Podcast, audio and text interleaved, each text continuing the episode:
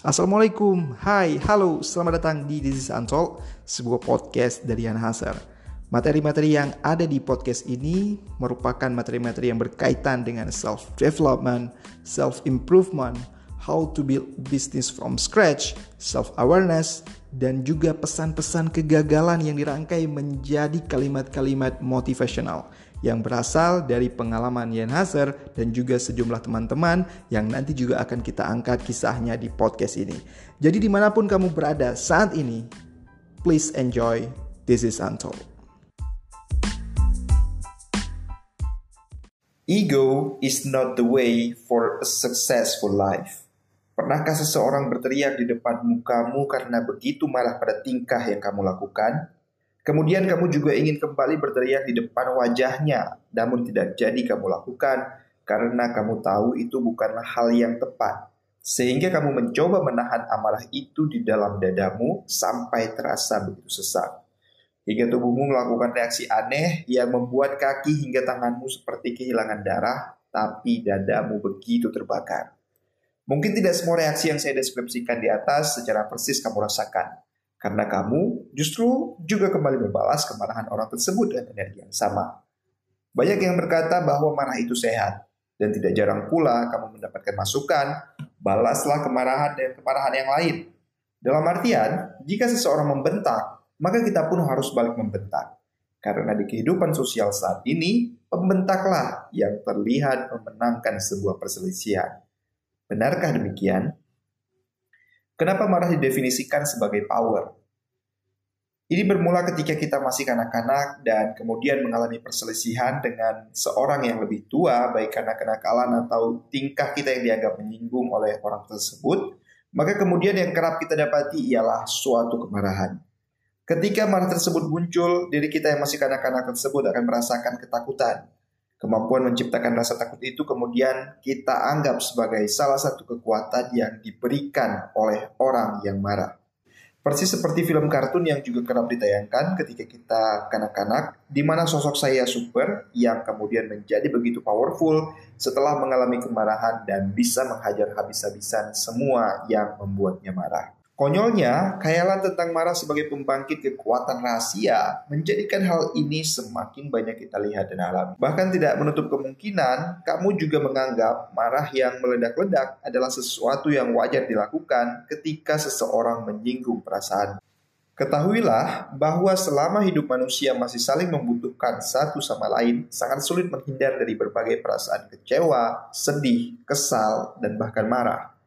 Menyenangkan sekali seandainya seluruh manusia lain di dunia ini dapat mengikuti apa pun yang kita inginkan atau harapkan mereka lakukan.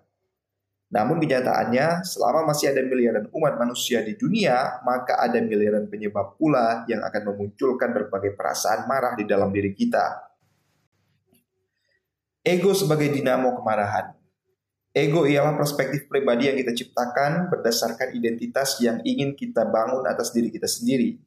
Ego ialah hal yang kerap kita ceritakan dan persepsikan mengenai diri kita. Ini ditentukan oleh pendidikan, hubungan sosial, pengalaman pribadi, cara kita dididik, dan keinginan individual. Namun ini semua bukanlah diri kita. Ini hanyalah persepsi yang kita tanamkan pada diri kita. Di dalam diri kita ada dua pihak yang kerap berbicara untuk memutuskan sikap yang akan kita ambil. Mereka adalah ego dan hati nurani. Ego ialah pihak yang selalu ingin memenangkan dirinya tiap kali dia tersinggung atau direndahkan. Ego ialah pihak yang selalu menginginkan diri kita berada di atas yang lain karena keinginannya ialah superioritas. Karena ego senang mendapatkan tempat istimewa. Ego senang dimenangkan, ia suka dilukai dan mudah tersinggung. Di sinilah kenapa kita harus lebih aware, kenapa kita tersinggung, dan bagaimana cara kita bereaksi. Ketika emosi negatif hadir, kamu selalu punya dua cara bereaksi. Memunculkan konflik atau justru mencari solusi. Ketika seseorang mengemukakan atau melakukan sesuatu yang membuatmu tersinggung, kamu dapat mengubah cara berpikirmu menjadi sikap yang dia tunjukkan ini didasari ego mereka untuk menguasai keadaan. Ini merupakan proyeksi ego mereka sendiri. Akan selalu benar berpikir seperti itu, karena menurut Alfred Adler, tingkah alami manusia ialah untuk superioritas. Di saat inilah kamu harus menyimpan energimu dari pertikaian ego. Marah yang muncul dari ego mudah diidentifikasi ketika kita mengetahuinya. Tiap kali dirimu merasakan napasmu sudah memburu detik itu.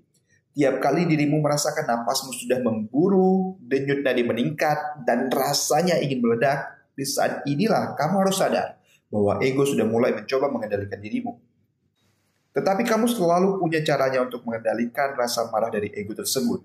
Misalnya dengan mencoba menganggukkan kepala terlebih dahulu selama tiga kali. Oh, ini egoku yang berkata bukan rasional. Atau justru berbalik dari orang yang mencoba memancing kemarahanmu dan bernapas dalam-dalam.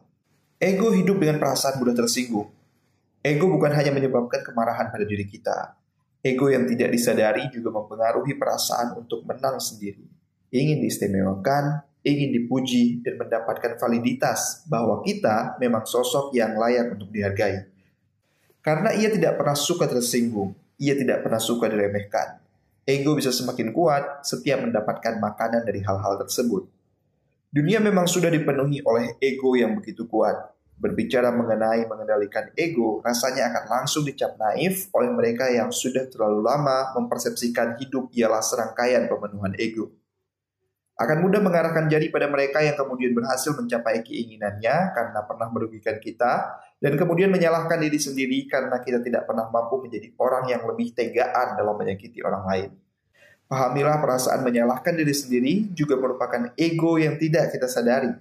Perasaan ini yang lambat laun mengonsumsi diri kita dan membuat kita selalu terjebak pada situasi yang buruk. Hilangkan perasaan tersinggung tersebut dengan memaafkan dirimu dan orang tersebut. Memaafkan bukan berarti kamu harus kembali menjadikan dirimu diperalat oleh orang tersebut. Memaafkan dirimu berarti kamu menjadi lebih aware mengenai sikap dan keputusan yang akan kamu ambil ke depannya. Mungkinkah bisa sukses jangka panjang dengan tanpa ego? Pertanyaan seperti ini juga kerap muncul di dalam diri saya tiap kali saya merasa dimanfaatkan oleh orang lain atau dirugikan.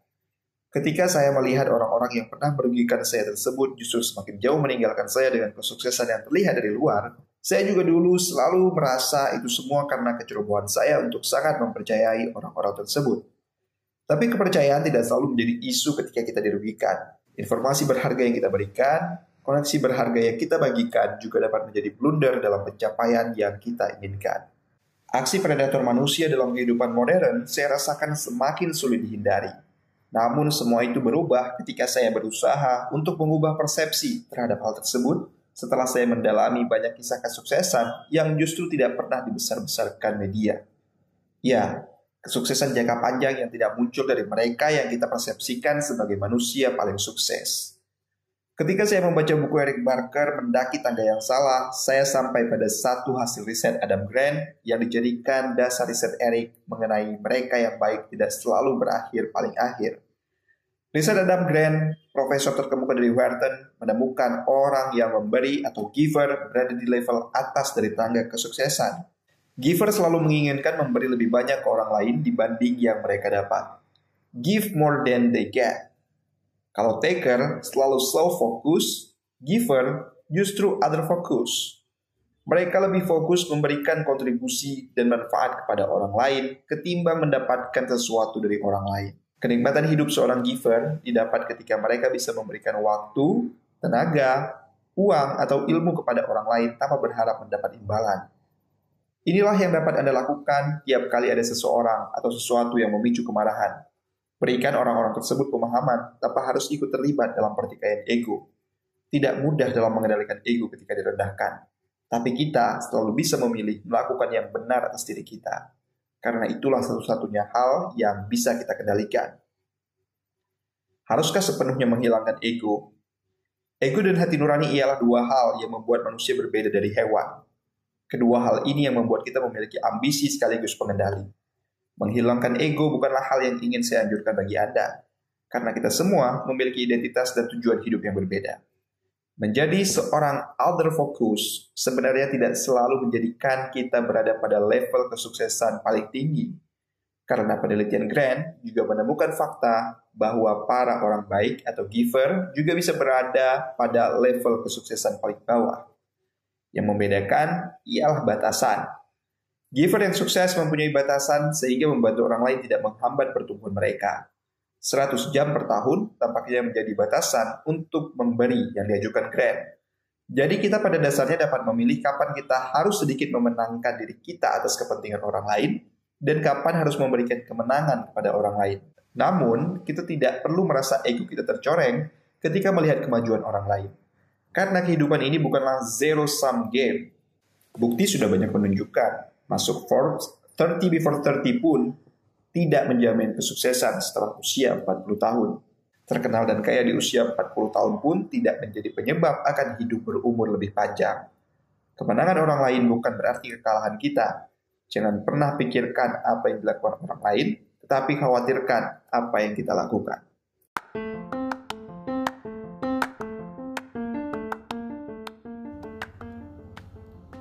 Terima kasih sudah mendengarkan episode podcast kali ini dan jika kalian mendapatkan manfaat dari podcast-podcast This is Untalk, tolong sebarkan ke teman-teman kalian, ajak mereka juga mendengarkan This is Untalk karena akan lebih baik jika energi positif yang kalian dapatkan juga kalian tularkan ke sekeliling kalian. Sampai bertemu di episode selanjutnya di This is Untalk.